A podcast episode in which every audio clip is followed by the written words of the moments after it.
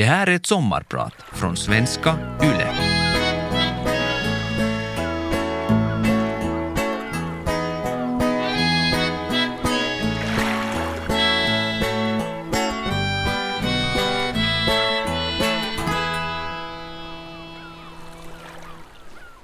Min man Magnus och jag står i hissen på vägen ner till garaget i våningshuset där vi bor. Året är 2015 och vi har bott i Santa Monica, Los Angeles i ett och ett halvt år och bestämt oss för att stanna i minst ett år till. Vi trivs väldigt bra. Men eh, Los Angeles har visat sig vara en mycket dyrare stad än vad vi förväntade oss och frilansuppdragen dröser inte precis in. Jag är stressad efter att ha pitchat reportage till höger och vänster. Dagens Nyheter vill betala 5 000 kronor för en intervju med Isabella Scorupco, men hon svarar inte ens på mina sms. Och även om hon gjorde det så räcker det inte. Hur mycket jag än jobbar så måste vi ändå vända på slantarna i slutet av månaden. Jag känner Peppe, så jag vet vad som är på gång. Jag har svårt att kompensera för den programledarkarriär som jag hade i Helsingfors. Inga tv-jobb har erbjudits i LA direkt. Jag försökte såklart vara i kontakt med de som jag känner i radio och tv-branschen, men ingenting känns liksom långsiktigt och stabilt. Små jobb för 200 euro här och små jobb för 200 euro där. Den ekonomiska pressen har nästan gjort mig apatisk. Det kan jag förstås inte säga till någon, men så är det. Jag ligger ofta på soffan och Peppe jobbar häcken av sig. Det verkar omöjligt att överföra mitt tidigare liv till Los Angeles. Jag måste förnya mig själv och jag tampas med frågan, vem är jag nu? Vi stiger ur hissen. Magnus går framför mig mot vår gamla Nissan från 2003. Fläktbandet är trasigt och den skriker som i smärta varje gång vi startar motorn. Vi betalar 5 000 dollar för den och i mitt stilla sinne undrar jag om den verkligen var värd så mycket. Jag ser Magnus rygg framför mig. Jag vill inte bråka om pengar, men gråten och desperationen bränner i halsen. Till slut säger jag, älskling, kan du inte försöka få ihop åtminstone 500 dollar den här månaden? Snälla. Jag mmar ett svar. I stunden har jag ingen jävla aning om hur det ska gå till. Jag har ingen aning om vad jag, genom att jobba, ska få in 500 dollar. Jag heter Peppe Öhman och jag är journalist och författare. Jag har bott i Los Angeles i snart tio år tillsammans med min man Magnus Silvenius Öhman. Det här är mitt och Peppes sommarprat. Vi kommer att prata om pengar, om hur pengar definierar oss, hur pengar har förändrat oss och varför just pengar har slagit in en kil mellan oss och Finland. Allt kostar så jäkla mycket här. När vi kom hit så betalade vi 2500 dollar i månaden för en mörk tvåa som lika gärna hade kunnat vara byggd av pappkartonger. Vi hade kackerlackor och var livrädda att rapportera till hyresvärden i rädsla för att de skulle anklaga oss och typ sparka ut oss. Men det handlar inte bara om kostnader. Det handlar också om att vara omgiven av så mycket lyx. Att många av våra vänner till vardags klär sig i två, tre Cartier-armband, guld-rolexar och kör Porsche för 300 000 dollar. De bor i hus för flera miljoner dollar. Det handlar också om den sociala pressen. Att behöva vara generad för att inte ha råd i en sån miljö. När min vän Frida blev gravid hade jag inte råd att köpa en present till hennes baby shower. Men det handlar också om det oförutsedda. Några år in i vår vistelse i Kalifornien så blir Peppe gravid. Så hur ska vi göra? Ska vi behålla det eller inte? Har vi 10 000 dollar för förlossningen? Men det här sommarpratet handlar också om friheten. Att strunta i vad alla tycker och bara få vara sig själv. Att bli modigare och gladare. Inse att jag kan skapa en karriär från praktiskt taget noll och att få träffa oerhört inspirerade människor. Om att aldrig längta efter veckoslut eller semester eftersom varje dag är så härlig. Mina lyckligaste stunder i livet är när jag befinner mig på en surfbräda ute i Stilla havet. Eller när jag åker på helgresor till öknen. Eller när jag rider barbacka i bergen och har utsikt över Stilla havet i väst och hela downtown LA i öst. Att jag har fått flyga privatjet med min barndomshjälte Bruce Willis från filminspelning i New Mexico är ju ofattbart för mig. Höga berg och djupa dalar med andra ord. Det här är Magnus. Och det här är Peppe. Och vi är era sommarpratare idag. Hej från LA.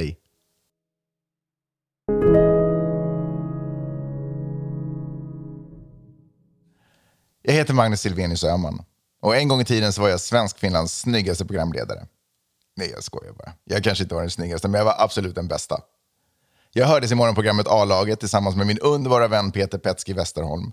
Och så gjorde vi tv tillsammans också. Jag gjorde det också själv några säsonger. Men det var länge sedan nu.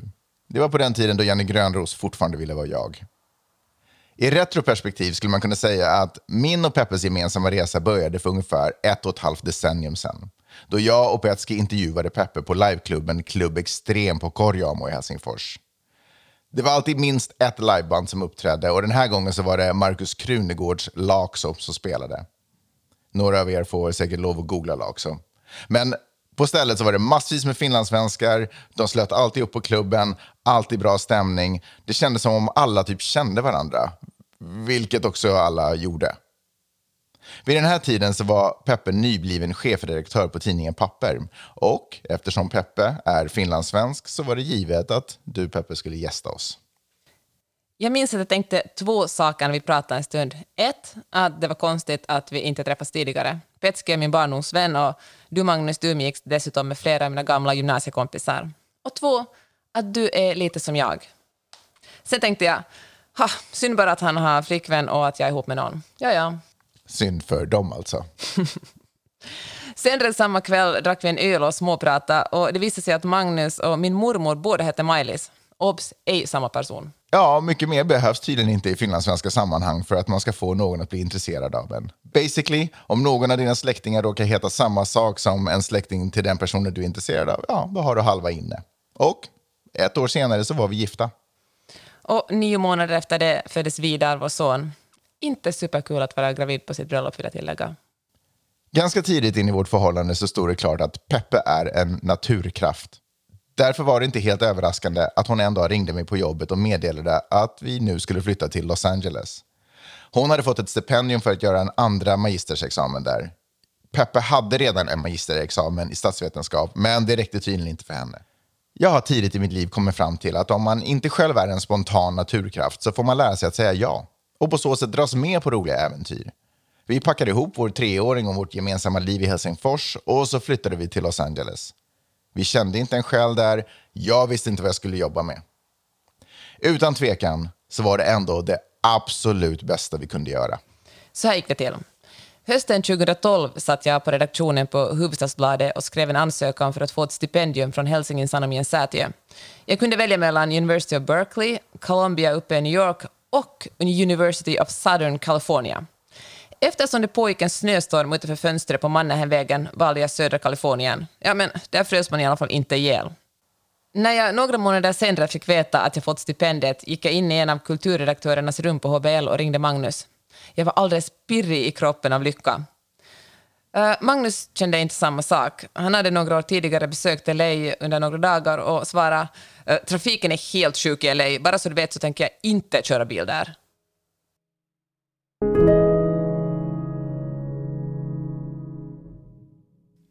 Innan vi flyttade till LA lät USA bara ytligt och tröttsamt. Jag hade aldrig drömt om att bo i New York eller bli skådespelare i Hollywood. Amerikaner är bara intresserade av amerikaner, har ingen kultur och är besatta av sport och kött. Men jag ville röra på mig. Tidigare har jag bland annat studerat i Nederländerna och, jobbat i Argentina. Och, och det fanns någonting i mig som pickade och påminde om att världen är stor utanför Finland. Så Los Angeles lät väl helt okej. Okay. Jag började med att skriva in Santa Monica i Google Earth och det gjorde mig på gott humör att se att staden låg alldeles vid havet. Här ska jag kunna bo ett år. Hur illa kan det vara bland alla amerikaner? Sen ska vi ju ändå fortsätta livet i Helsingfors med en massa spännande anekdoter i bagaget. På en av Magnus och mina avskedsfester sa en amerikansk kompis, Kevin, “Nobody stays in California for only one year”. Då skrattade jag. Jag tänkte samma sak. Ett år fixar vi. Jag får bita ihop och lära mig köra på den tiden. Sen kan man ju åka spårvagn i Helsingfors igen menar jag. Jag märkte ändå fort att det var något magiskt med LA. Den här staden har sedan början varit tillräckligt förförisk och konstant gett mig så pass mycket motstånd att stan liksom snärjt mig. Det är som att ha fått nycklarna till ett enormt förtrollat palats. Men de första nycklarna går bara till de första rummen. Och väl där inne så får du glimtar av vad de andra rummen innehåller. Men bara genom att lösa en massa problem som också kräver att du utvecklas så kan du få tillträde framåt. Jag var tvungen att försöka förstå vem jag var utan omgivningen och vännerna som jag var van vid. Och det var ärligt talat stundvis ganska jobbigt. Men samtidigt älskar jag LA från dag ett så mycket att jag var beredd att lida lite. Jag hade verkligen en enorm identitetskris de första åren. Jag blev också frustrerad av att förhandla arvoden med finlandssvenska mediebolag. Generellt så verkar det som att de bara var intresserade av att priset skulle vara så lågt som möjligt. Ingen brydde sig om kvaliteten. Och uppdragsgivarna signalerade tydligt att de gjorde mig en tjänst som överhuvudtaget beställde något av mig. Jag måste hitta något annat. Hitta nya uppdragsgivare. Jag kommer så tydligt ihåg att jag på den här tiden inte ens visste hur jag skulle presentera mig. Varenda gång så testade jag ett nytt sätt. Hej, Magnus, jag jobbar som journalist. Eller hej, jag heter Magnus, jag är inslagsproducent. Och någon gång så sa jag till och med att jag jobbade som allt i allo. Att jag hjälpte svenskar i LA med vad de än kunde tänka sig behöva hjälp med. Vad i helskotta betyder det ens? Och det gjorde jag ju absolut inte. Det var som att jag ville ha liksom alla dörrar öppna för alla jobbmöjligheter. Så desperat. Och alla de här presentationerna kunde jag använda under en och samma tillställning. Fatta hur förvirrande att presentera sig olika för olika människor på samma fest och sen ha ett samtal med alla de här i grupp. Sån identitetskris. Jag brukar presentera mig som journalist, men ärligt talat betalade de finlandssvenska frilansuppdrag jag fick så dåligt att jag ganska snart fick allt svårare att göra det. En gång körde jag upp till Santa Barbara. Det tar nästan två timmar. Gjorde en intervju med en finlandssvensk kulturarbetare, körde två timmar tillbaka och fakturerade ett par hundra euro, inklusive bilder. Med undantag för ett par reportage om flyktingkrisen vid gränsen till Mexiko och intervjuer med jordbävningsexperter har finlandssvenska medier mest varit intresserade av finlandssvenskar i LA och ärligt talat tog det inte så jättelänge innan jag intervjuade dem alla. Stipendier jag har fått täckte inte bara de skyhöga terminsavgifterna på drygt 50 000 dollar om året på University of Southern California, utan också levnadskostnaderna för ett år. Jag tror det var sammanlagt cirka 60 000 dollar. Det lät som en enormt stor summa år 2013, men det skulle snabbt visa sig vara ganska knapert för en familj i Santa Monica. Jag var övertygad om att min karriär hade nått sin absoluta botten då en av våra nya kompisar, Cecilia, erbjuder mig att klippa hennes nystartade podd, Blanken Svanberg. Vi satt alla på Rish i Stockholm. Det var sommar och vi var på vår årliga släkt och vänskapsturné genom Sverige och Finland. Där satt jag som vanligt som det femte hjulet eftersom Peppe, igen, hade tagit med mig till något som egentligen var en tjejkväll. Och kanske var det tur den här gången, för Sissans och Johannas podcast kom på tal. De behövde en klippare. Jag behövde absolut ett jobb, så ja, jag fick det. Tack och lov. På radion hade jag förstås lärt mig klippa. Ofta handlar det om att klippa sina egna reportage eller sändningar. Att klippa någon annans program kändes kanske mer som ett praktikantjobb. Ändå var det mitt bästa jobberbjudande på länge. Därmed garanterad 800 euro i månaden. 300 mer än Peppe förtvivlat hade bett mig dra hem tidigare. Och inte långt efter det så hör Anita Clemens, dåvarande Schulman, av sig. Hon hade också en podcast, Lillelördag, tillsammans med Ann Söderlund. Så nu hade jag två jobb. 1600 i månaden. Tillbaks i LA så umgås vi allt mer med svenskar som jobbar i mediebranschen och alla är inte bara extremt begåvade på vad de gör, de är också generösa. Jag får ett erbjudande om att jobba som eh, producent på Svenska Hollywoodfruar och jobba nära både Gunilla Persson och Anna Anka. Sofie Prytz blir dessutom en god vän. En vanlig fråga jag får är om Anna och Gunilla är lika galna i verkligheten som de är på tv. Och svaret är enkelt. Ja. 100 procent. Anna är en fullfjädrad galenpanna som var övertygad om att muslimer planerar en statskupp i USA. Gunilla behandlar alla i sin omgivning som om de vore hennes tjänare. Hon kunde ringa mig och be henne beställa en Uber åt sin dotter som antingen behövde ta sig hemifrån eller till skolan.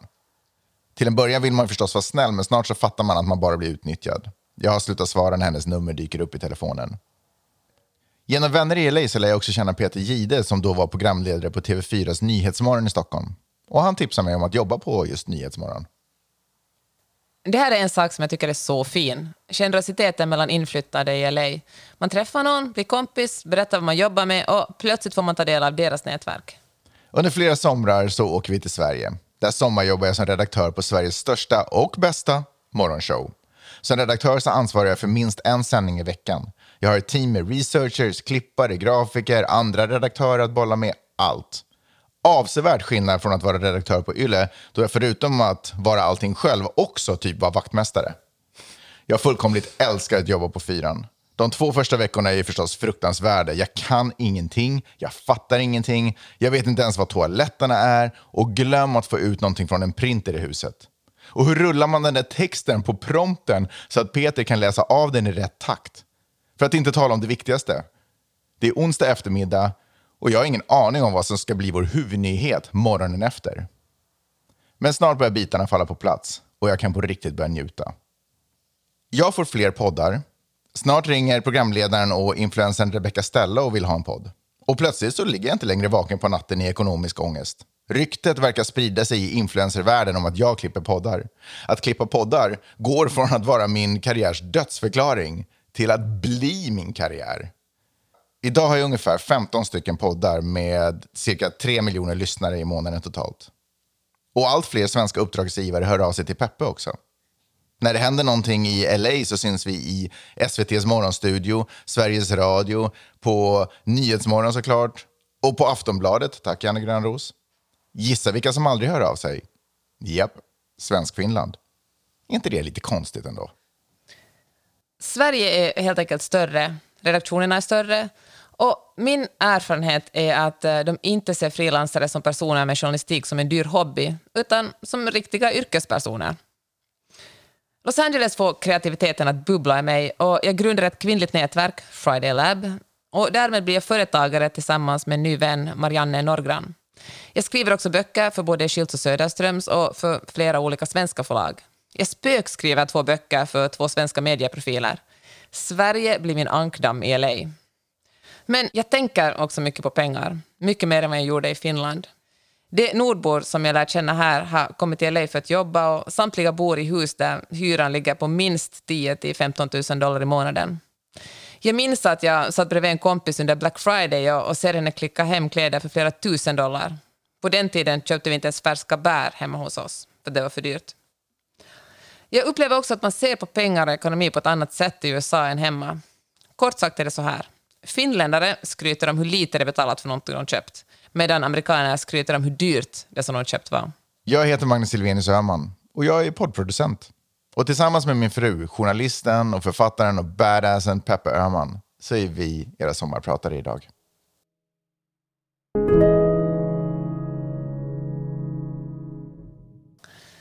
Att flytta från Finland till en helt ny plats är egentligen varken speciellt modigt eller äventyrligt. Det finns folk som tvingas fly från sina hem med vetskapen om att de antagligen aldrig mer kan återvända hem. Los Angeles är fullt av dem. Vi flyttar med vetskapen om att om allt skiter sig så kan vi alltid återvända till Norden. Men när man lämnar sitt hemland, sitt jobb, sin stad och sina vänner händer ändå saker. Det sker en förändring i förändringen. Man är tvungen att uppdatera gamla tankar och drömmar. Det finns också något befriande i att få nya vänner och skapa en karriär utan kontakter. Det är jobbigt, men det bygger en sorts nytt självförtroende. Att fixa allt utan nätverk. Jag är friare här och just den här friheten är berusande. Jag älskar att inte vara en del av en liten grupp där jag måste förhålla mig till andra människors åsikter och relationer. Jag är också modigare här eftersom jag vet att det inte finns någon som kommer att säga det där kommer aldrig att funka. De flesta av mina vänner hemma är fortfarande mina vänner. Och de som jag lärt känna här i LA har lärt känna mig som exakt den personen jag är idag. Det tycker jag är fint. Just vänskapsrelationer hade jag inte tänkt så mycket på i och med flytten. Det blir mer påtagligt något år in. I början var det ändå så mycket fix med allt. Pengar såklart, men också sådär att ordna försäkring, öppna bankkonto, deklarationer. Bara att komma in i gunget av allting fungerar. Bara grejen att dag ut och dag in prata engelska tar på krafterna. Länge kändes det som att jag inte kunde formulera en egen tanke på engelska. Det var som att jag bara gick omkring och pratade i filmrepliker. I'll be back. Inget var liksom på riktigt. Inga skämt gick fram. Jag var tvungen att börja säga I'm actually really funny in Swedish, vilket typ gör mig ännu mer korkad. Men när allt det har lagt sig så kröp det på. Känslan av att jag inte hade någon att hänga med. Såklart fanns det ett socialt umgänge, parmiddagar, fester och sånt men ingen som jag kunde lyfta luren och bara, är du med på en öl nu? Då blev LA plötsligt väldigt ensamt. Jag hade tur som inte bara pluggade och fick studiekompisar på universitetet. Bloggen och Instagram gav mig också nya vänner. Jag förstod ganska fort att det räcker med att lära känna en person som sen introducerar mig till en till och en till och så vidare. Ganska fort så hade jag en nära krets. Och uh, vet ni vad? Isabella Skorupko svarar nu för tiden på mina sms eftersom vi är goda vänner. Att få vänner i vuxen ålder, det är egentligen inte svårare än det råd som vår 11-åriga son gav sin 5-åriga syster. Man frågar om den andra personen vill leka om han säger nej så väntar man tills någon annan snäll kommer förbi och frågar den istället. Jag håller med. I princip så har det alltid fungerat så för mig. Förr eller senare stöter man på en likasinnad. En av de första vänner som jag fick här heter Corey Large. Honom lärde jag känna under det första året för att han i misstag drämde sin bildörr i huvudet på Vidar. Vidar grät inte, jag stämde inte och Kåre blev kanske imponerad och glatt överraskad av det. Många år senare så sitter jag på passagerarsidan i en SUV. Bredvid mig sitter Corey. Han är filmproducent och vi är på väg till set. Bakom mig sitter Wayne Gretzky. Flera gånger vald till tidernas bästa hockeyspelare. Hans historier från sin ungdom och karriär slutar inte. Matcher, kändisar, vad folk sagt och vad folk har gjort. Det här kanske är ett frustrerande ögonblick för dig nu som älskar hockey och gärna skulle vilja höra någon av de här historierna. Grejen är att jag är inte så intresserad av hockey, så jag la ingenting på minnet. Allt åker in genom ena och ut genom det andra örat. Men en sak minns jag. Han berättade att när han var 15 eller 16 år så erbjöd en affärsman honom 50 miljoner dollar mot en hög procent av alla hans framtida intäkter. Det här var långt innan någon av oss hade hört talas om Wayne Gretzky. Ett nästintill omöjligt var att göra för någon som inte har någonting. Men han hade tackat nej. Jag hade givetvis i min desperation tackat ja. Jag påpekar också hur otroligt det är att ingen skada sänkte hans karriär. Jag menar, han hade ju lika gärna kunnat vara en random gubbe i vårt baksäte nu utan alla de här berättelserna. Gretzky svarar att han alltid var för snabb för motståndaren att ta honom. Då ringer Corys telefon. Han svarar glatt att vi snart är framme. Sen ändras tonen. Han låter lite bekymrad. Um, sure. Yeah, yeah, we can do that. Samtalet avslutas och han tittar lite osäkert på mig. När vi kommer fram så tar jag Corey åt sidan och frågar vad telefonsamtalet handlade om. Var det någonting fel? Han berättade att det var Bruce Willis som hade ringt. Han hade frågat om vi skulle käka middag med honom. Vad ska vi göra? Vi har ju redan lovat Wayne. Vi tittar på varandra och brister ut i ett asgarv. Händer det här på riktigt? Är det här vårt problem idag? Grejen är att Waynes fru Janet tidigare haft en fling med Bruce Willis. Så därför är det inte självklart att vi alla äter tillsammans.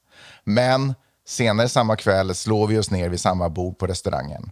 Kom igen, vi är alla vuxna människor. Och vem säger egentligen nej till möjligheten att ha en hel kväll med Bruce Willis och Wayne Gretzky? Ska vi vara helt ärliga, inte ens Bruce Willis och Wayne Gretzky gör det. Janet, Waynes fru, och jag har en livlig diskussion om social rättvisa.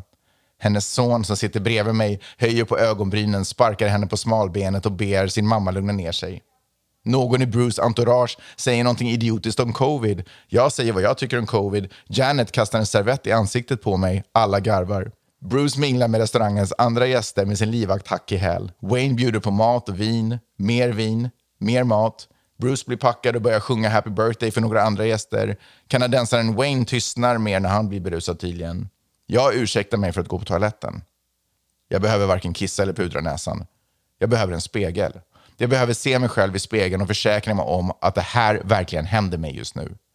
Jag stänker lite vatten i ansiktet och ser mig själv djupt i ögonen och garvar. Sjukaste kvällen.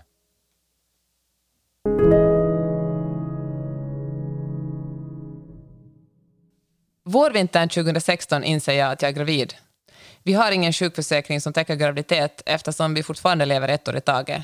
Och nej, ärligt talat har vi inte ens råd att betala 1000 dollar i månaden. Det är vad det kostar att vara försäkrad här. Vi är rådvilla. Till saken hör att det här kommer som en överraskning. Ingen graviditet ingick i vår plan. Vi låg fortfarande under någon form av förlängd reseförsäkring. När Magnus ringer runt till de amerikanska försäkringsbolagen och säger att vi behöver en försäkring är de till en början väldigt hjälpsamma. Alltså ända tills det kommer fram att jag är gravid. Då avslutas snabbt alla våra chanser att få en försäkring att täcka kalaset. Barnet ska komma i oktober och vi försöker räkna ut vad som är smartast. Ska vi flytta hem till Norden och föda babyn där? Och sen då? Är det här nu slutet på vårt LA-äventyr? Blir det då Stockholm eller Helsingfors? Ärligt talat, jag är inte så sugen på nådigare alternativ, men jag vill också gärna föda barn på ett tryggt ställe, alltså helst inte dö i barnsäng. Till slut får vi ett tips om ett koncept som heter Birthing Center. Ett ställe där barnmorskor istället för läkare tar emot barnet i en holistisk miljö. Det här är någonting som rika hipstermammor gör. Kvinnor som vill föda naturligt och gärna i ett badkar med hjälp av meditation och affirmationer.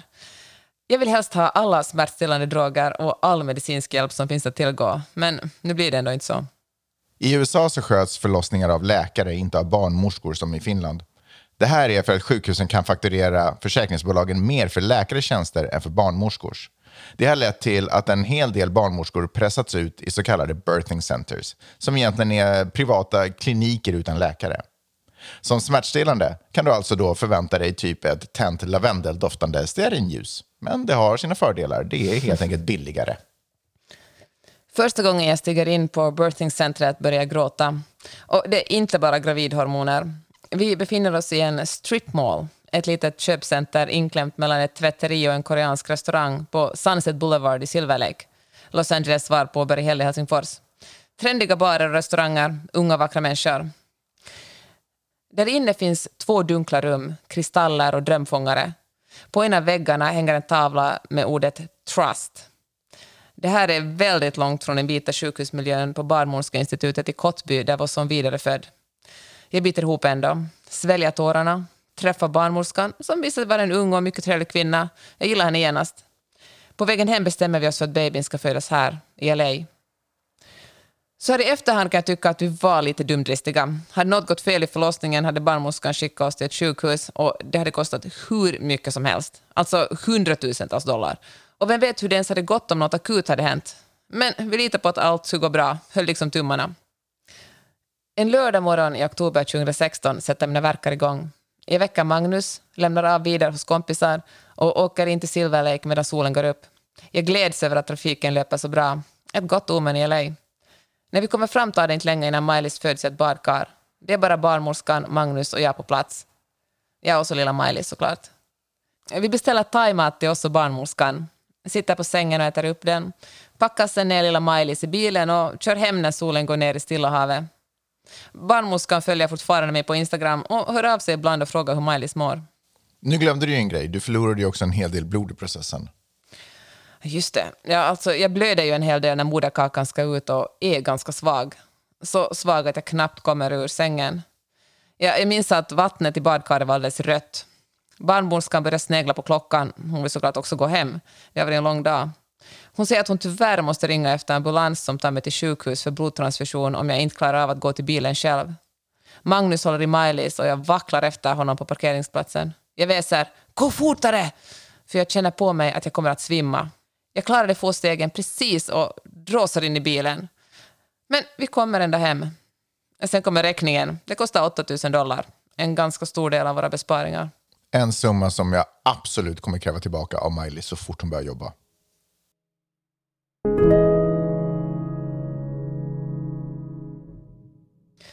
Hur har vårt förhållande då klarat av en flytt från Helsingfors där vi kände alla till LA där vi bara hade varandra? Jag antar att det kunde ha gått på två sätt. Ett, att vi gled isär på grund av den första stressen. Eller två, att vi kom ännu närmare varandra. Det blev tvåan.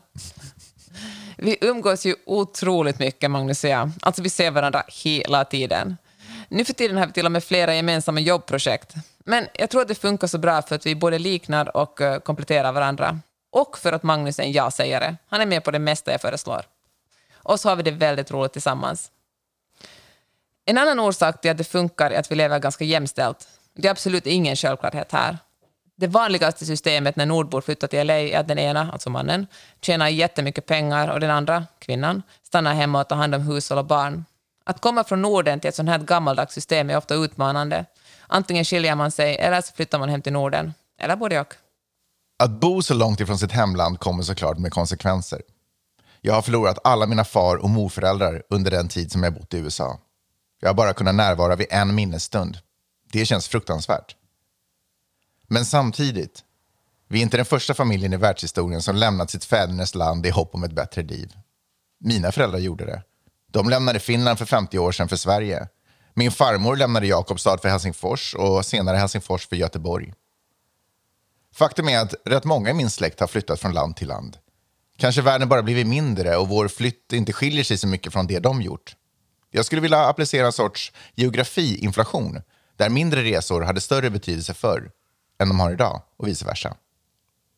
Men det tar inte bort det faktum att jag inte kunnat vara på plats när de som stått mig närmast gått bort. För några år sedan så höll jag dessutom på att förlora min pappa i en hjärtoperation.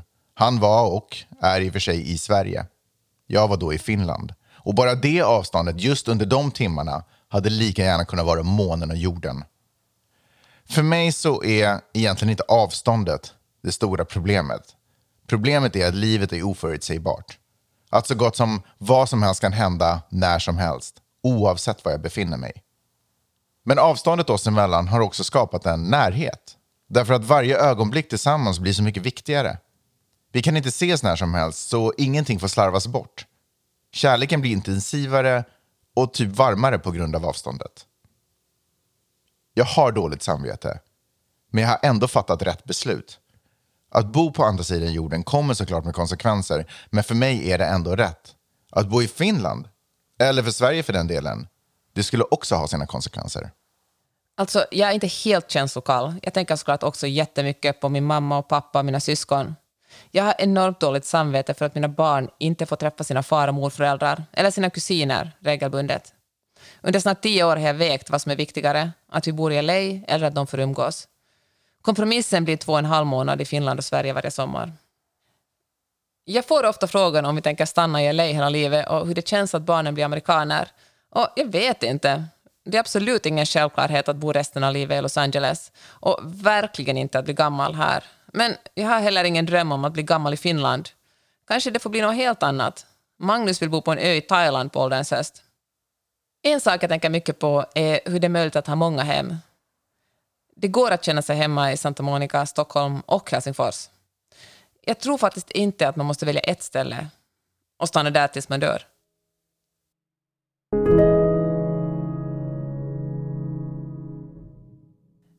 Det som skulle bli ett år har snart blivit tio.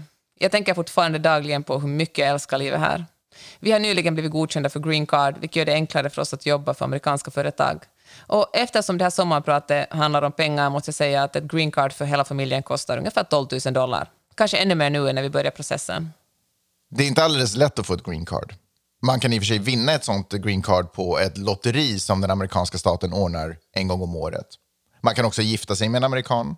Man kan få green card genom att ha flyktingstatus. Eller så kan man visa USA att man hör till de duktigaste i sin bransch i sitt land. Peppe fixade det. Vi bor fortfarande kvar i samma hus, men i en större och ljusare lägenhet. Vi går ner i samma garage, men det är en elbil som står och väntar på oss, inte en gammal Nissan. Fläktremmen skriker inte när vi startar bilen. Vår bil har inte ens en fläktrem. Va, har den inte? Uh, Okej, okay. uh, jag, vet, vet, jag vet faktiskt ingenting om bilar. jag heter Magnus Silvenius Öhman och det här har varit vårt sommarprat. Och jag heter Peppe Öhman. Tack för att ni har lyssnat. God bless America. And our allies and partners.